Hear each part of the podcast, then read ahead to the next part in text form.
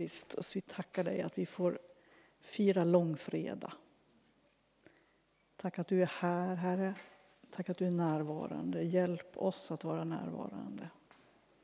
Och vi ber om nåden att du berör våra hjärtan med det som är långfredagens djupaste hälsning till oss, Herre. I Jesu namn. Amen. Predikan idag blir i två avsnitt. Nästan som på Netflix, ni vet, man tar ett avsnitt till. Först blir det en del med lite teologi eller teori eller vad man ska säga, lite grann för, för hjärnan, intellektet. Vi behöver förstå detta med korset och långfredagen. Men sen kan jag inte låta bli att på slutet så blir det mera ett, ett drama. Det är svårt att närma sig långfredagens texter. Vi behöver bli berörda, vi behöver inte bara intellektuellt förstå. Därför är sången och musiken så viktig, därför att den, den kommer till oss, till hjärtat. Och därför vill jag också läsa en berättelse för er på slutet som handlar om långfredagen. Möjligen har ni hört den förut, jag har haft något liknande tidigare, men det är ganska många år sedan. Men jag vill börja med ett bibelord. Första Korintierbrevet 1 och 18.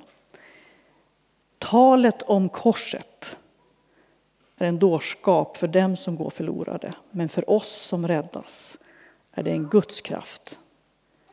Talet om korset är en dårskap för dem som går förlorade, men för oss som räddas är det en Guds kraft. Ge mig en fast punkt och jag ska rubba världen. Så sa Archimedes när han upptäckte hävstångsprincipen. Eh, en tillräckligt lång stång och en fast punkt skulle man kunna flytta världen. Det var hans upptäckt. Jag tänker så här att om den punkten var svår att hitta då så tänker jag att den är en, om möjligt ännu mer svår att hitta idag. Jag ska förklara vad jag menar. Jag tänker att den tid vi lever i, senmodern tid, eh, det kännetecken för den är att det mesta är föränderligt och flyktigt. Det är ont om de där fasta punkterna. Det som är fast och beständigt, det är i vår tid ofta att betrakta som hopplöst ute eller efter och någonting som man behöver frigöra sig ifrån. Det kommer nya kunskaper som omkullkastar det gamla. Ny teknik, nyare teknik och den senaste ingenjörskonsten.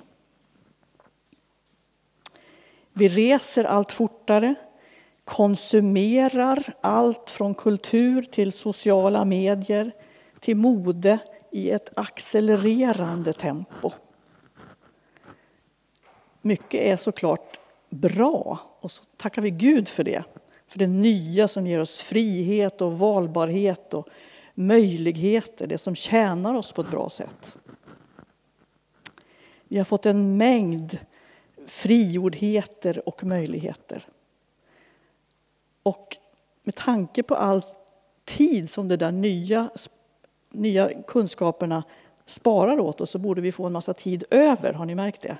Att ni har en massa tid över. Nej, tvärtom, eller hur? Det handlar ofta om att vi gör fler saker på kortare tid. Och det kanske kan vara bra ibland, men långt ifrån alltid, tänker jag. Vad gör det med oss? Bilder och intryck som flimrar förbi. Jag swipar några drag till på skärmen. Vad är det jag söker och letar efter? Jag tror inte att kanske varken jag eller ni är de främsta i ledet. Det finns nog många andra som är snabbare än vi. Men jag tänker också att vi är inte undantagna. Vi simmar i samma vatten och andas samma luft som alla andra. Det kommer nytt hela tiden. Allt blir utbytbart. Möblerna, politiken, åsikterna, trenderna, kostråden och till och med lovsångerna. Idag var det gamla härliga lovsånger, halleluja, säger vi som är födda på 60-talet och kanske så. Det enda man säkert vet är att det blir korv till kaffet varannan söndag. Det är beständigt. En tanke smyger sig på i det här hastiga tempot som vi lever i. Eftersom det mesta är, tycks relativt och kan ersättas. Hur är det med mig själv då? Är jag också utbytbar? Vad är det som säger att jag skulle ha ett beständigt värde när nästan ingenting annat verkar ha det? Obemärkt så börjar jag fundera över hur jag kan bli relevant och göra viktiga och betydelsefulla saker. Det är i och för sig inget, inte dåligt, men man kan fundera över motiv och drivkraft i, detta, i denna fundering. Så blir det så att jag konstruerar en eh, attraktiv Instagram-profil. Jag konstruerar inte bara Instagram-profilen utan hela mig, hela mitt liv, hela min omgivning. För att liksom ha ett existensberättigande berättigande och ett värde bland allt annat. Ett värde inför mig själv och alla andra. Att rättfärdiga mig själv, skulle man kanske kunna säga. Inte undra på att vi blir trötta och att vi blir stressade i detta. Det är ansträngande och tröttande. Och någonstans där inne ser det som att man hör en, en sträng röst som säger åt oss att vi borde nog lite mera. Och så till slut så är det som att vi behöver göra rätt för kaffepausen, semestern och till slut för livet självt. Men hur blev det så här? Finns det någon punkt i universum som kan rättfärdiga oss så vi inte behöver göra det själva? Och då är vi tillbaka till Golgata, till korset. Därför att här finns den där punkten i evighet, i universum varifrån livet och vårt eviga värde är oss givet. Vi behöver varken skapa eller rättfärdiga oss själva. Det är oss helt och hållet givet som en gåva. Att öppna sig för och ta emot och upptäcka. Välsignad är vår Herre Jesu Kristi Gud och Fader. Han har välsignat oss med all den andliga välsignelse som genom Kristus finns i himlen. Liksom han före världens skapelse har utvalt oss i honom till att stå heliga och fläckfria inför sig i kärlek. Han har förutbestämt oss till att få söners och döttrars rätt genom Jesus Kristus och förenas med honom. Det var hans viljas beslut till pris och ära för den nåd som han har skänkt oss med sin älskade son. I honom och genom hans blod har vi friköpts och fått förlåtelse för våra överträdelser. Till det är människan, du och jag, skapade. Vi får ta emot det. Men vi förmår inte i oss själva. Någon har sagt så här att vi blir inte syndare för att vi syndar. Nej, vi syndar därför att vi är syndare. Det är mycket värre med oss än vad vi tror. Men det är också mycket bättre med oss än vad vi vågar hoppas. Alltså det är mycket värre än vad vi tror och föreställer oss men det är också mycket bättre än vad vi vågar hoppas på. I Romarbrevet skriver Paulus Medan vi ännu var svaga dog Kristus för alla gudlösa när tiden var inne. Knappast vill någon dö för en rättfärdig. Kanske går någon i döden för en som är god. Men Gud bevisar sin kärlek till oss genom att Kristus dog för oss medan vi ännu var syndare. Margareta Melin skrev för många år sedan i en bok så här. När ditt samvete dömer dig, då är stunden inne för din omvändelse. Vänd då helt om och fly hem till Gud, inte bort från Gud. Vänd då helt om och fly hem till Gud. Vi förmår inte i oss själva varken att vara eller bli det som Gud har skapat oss för. Men Jesus Kristus gör det för oss, i oss. Det var därför det var långfredag. Golgata och korset är den punkten i universum. Och det finns en inbjudan från Kristus att ta emot detta på det viset få bli oss själva, det han har skapat oss för.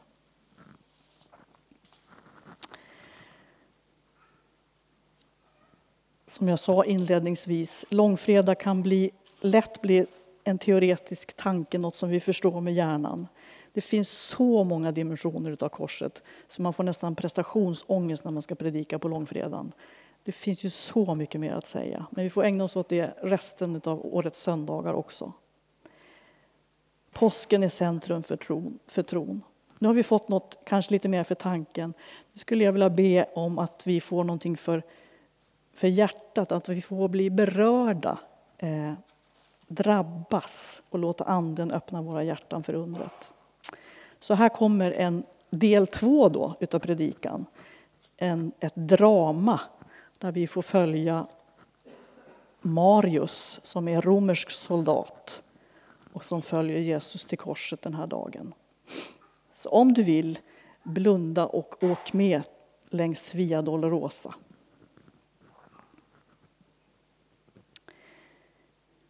Marius stannade för en stund.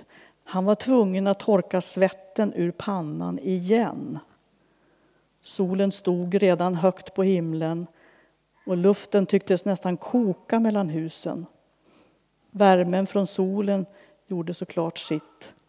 Men det sköd också i folkhopen som trängde på hela tiden. Några skrek och kastade glåpord, andra grät hysteriskt. De flesta var bara de vanliga, nyfikna, de som aldrig fick nog av att se. Marius hade tjänstgjort i armén i många år nu, men han vande sig aldrig vid det här. Att föra krig i fält, det var en sak. Man mot man, långa vandringar, strategiska förflyttningar i kyla, regn och hetta. Allt det kunde han ta. Men avrättningar av den här sorten, det var bara ett stycke bedrövligt elände. För den stackars tjate som det drabbade, men också för den ylande folkhopen och inte minst för honom själv och hans mannar som tvingades handha hela föreställningen. Här fanns varken heder eller ära att hämta. Det var som om skammen, vanäran, drabbade alla inblandade. Han väcktes ur sina tankar. Fången hade igen, för vilken gång i ordningen visste han inte, sjunkit ihop under bördan som den tunga träbjälken utgjorde. Åter ställde han sig frågan vad alltihop skulle vara bra för. Det fanns ju enklare sätt om man ville göra sig av med oönskade individer. Sätt som var betydligt effektivare och mindre resurskrävande. Men förnedringen och utsattheten och skammen, det var en del av straffet, det visste han. Det var så det var uttänkt. Fången skulle bära sitt eget avrättningsverktyg genom stan innan straffet slutgiltigt verkställdes. Han både vämdes och suckade över tanken på vad som väntade. Någon av hans kollegor piskade, röt och svor för att på nytt försöka få fången på benen. Marius han suckade för sig själv. Det var ju lönlöst. På det här sättet skulle de aldrig komma fram. Istället svepte Marius med blicken i folkhopen grep tag i första bästa kar som såg ut att kunna göra ett vettigt handtag. Han slet fram en skäggig man, inte så lång men med kraftiga armar och beordrade honom att ta upp trästocken, hjälpa till att bära så de skulle komma vidare någon gång. Mannen protesterade högljutt och gjorde motstånd. Han var minsann oskyldig och ville inte bli inblandad. Men den skäggiga mannen gav med sig när flera av hans soldatkollegor närmade sig beredda med piskor.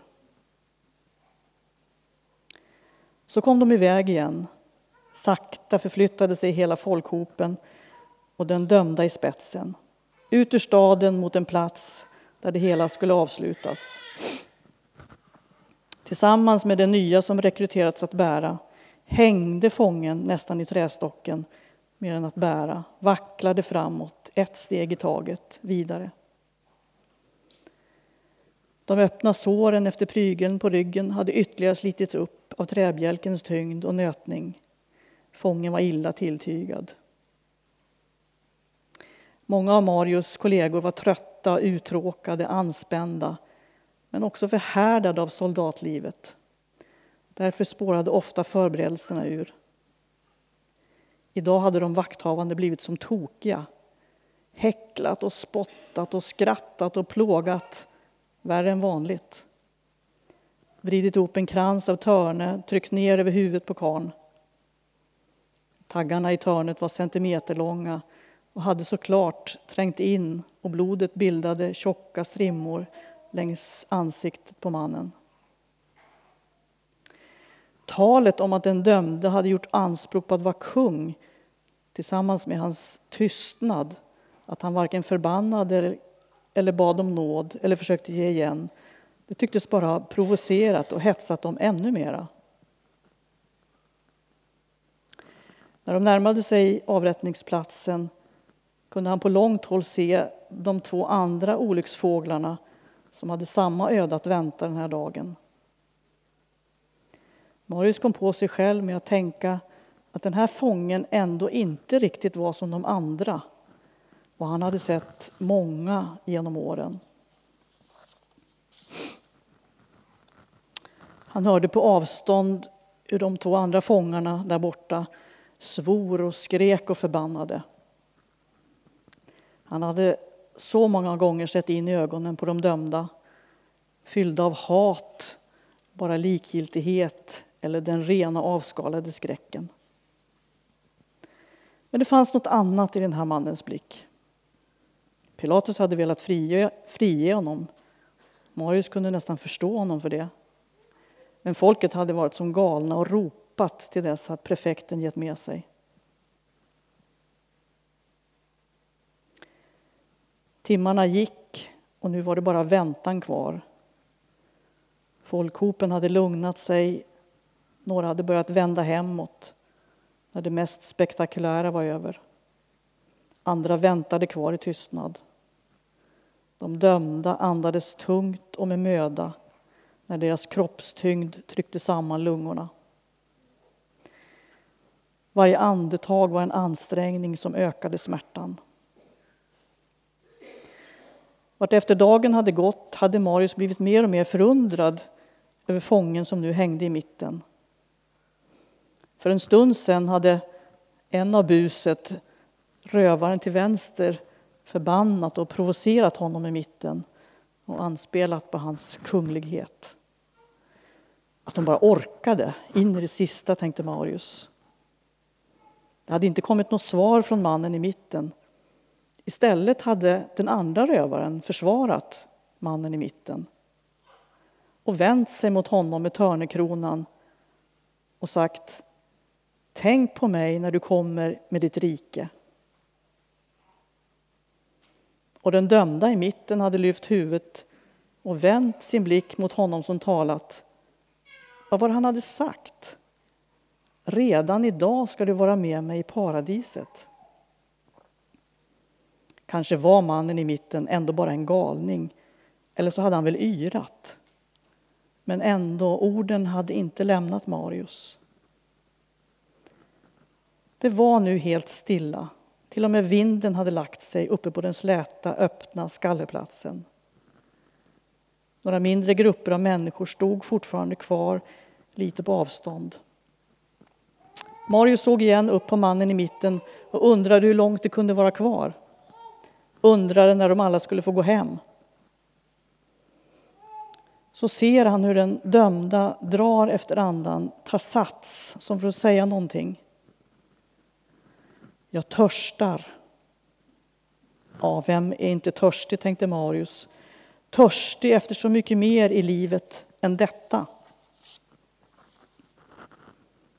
Han var först på väg att ropa något kallt ironiskt till svar, som en sorts reflex mest. Så kom han av sig. Ser istället upp på mannen, hans ögon, hans illa sargade kropp och hans armar. Hans armar. Han har inte sett det förut, men han ser det nu, plötsligt och tydligt. Det är som om den dömda öppnar och sträcker armarna mot honom, som i en omfamning. Inte en enda gång under hela dagen har han hört mannen förbanna och hota. Orden när de drev spikarna genom hans kropp tränger nu åter upp i hans medvetande. Vad var det han hade sagt? Fader, förlåt dem, de vet inte vad de gör. Då hade han skjutit orden ifrån sig och inte lyssnat, fokuserat och fullgjort sin uppgift och tänkt att han måste ha hört fel. Men han hade inte hört fel, han visste det nu. Den döende i mitten gör åter en ansats, söker efter syre till sina lungor. Hans röst och ord tränger fram. Han ropar, det är fullbordat. Marius vet inte hur länge det pågår. Han har kastats omkull. Marken under honom skakar, himlen dånar och allt blir mörkt samtidigt som ljungande blixtar lyser upp hela himlen. Det är fullständigt livshotande, skräckinjagande, ödesmättat, bortom allt vad som kan föreställas.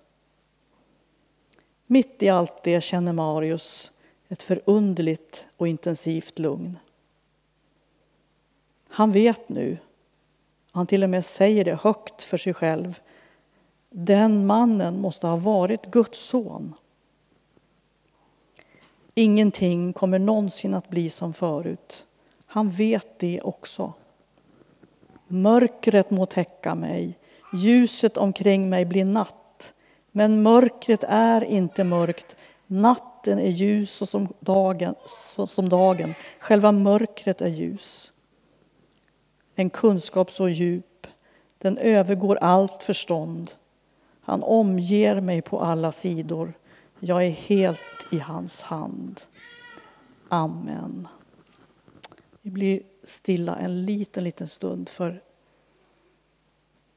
eftertanke och bön. Och du får själv tala med Herren om det som berör ditt hjärta.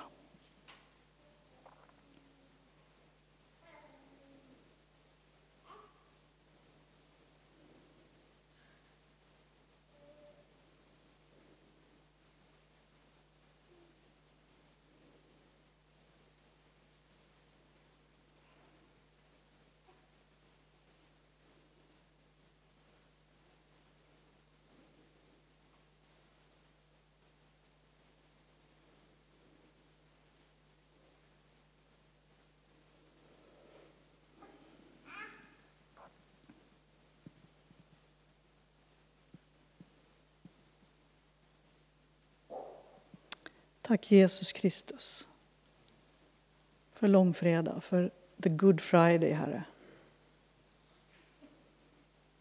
Hjälp oss att se hur du också sträcker armarna till oss, Herre.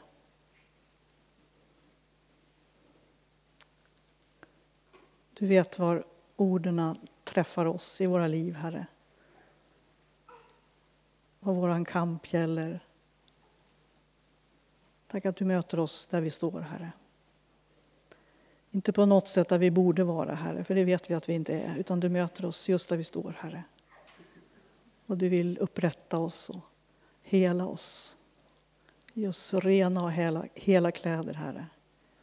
Klädda inför dig i rättfärdighet, Herre. Som dina älskade barn. Om det är för allra första gången, Herre, som vi öppnar oss och tar emot. Så ber jag för den, Herre. Om det är för hundrade eller tusende gången som vi återigen får öppna oss och ta emot, Herre, så ber jag för, för den och för oss alla, Herre. Kom till oss.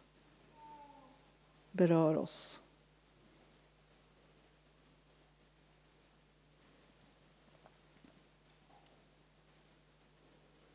I Jesu namn. Amen.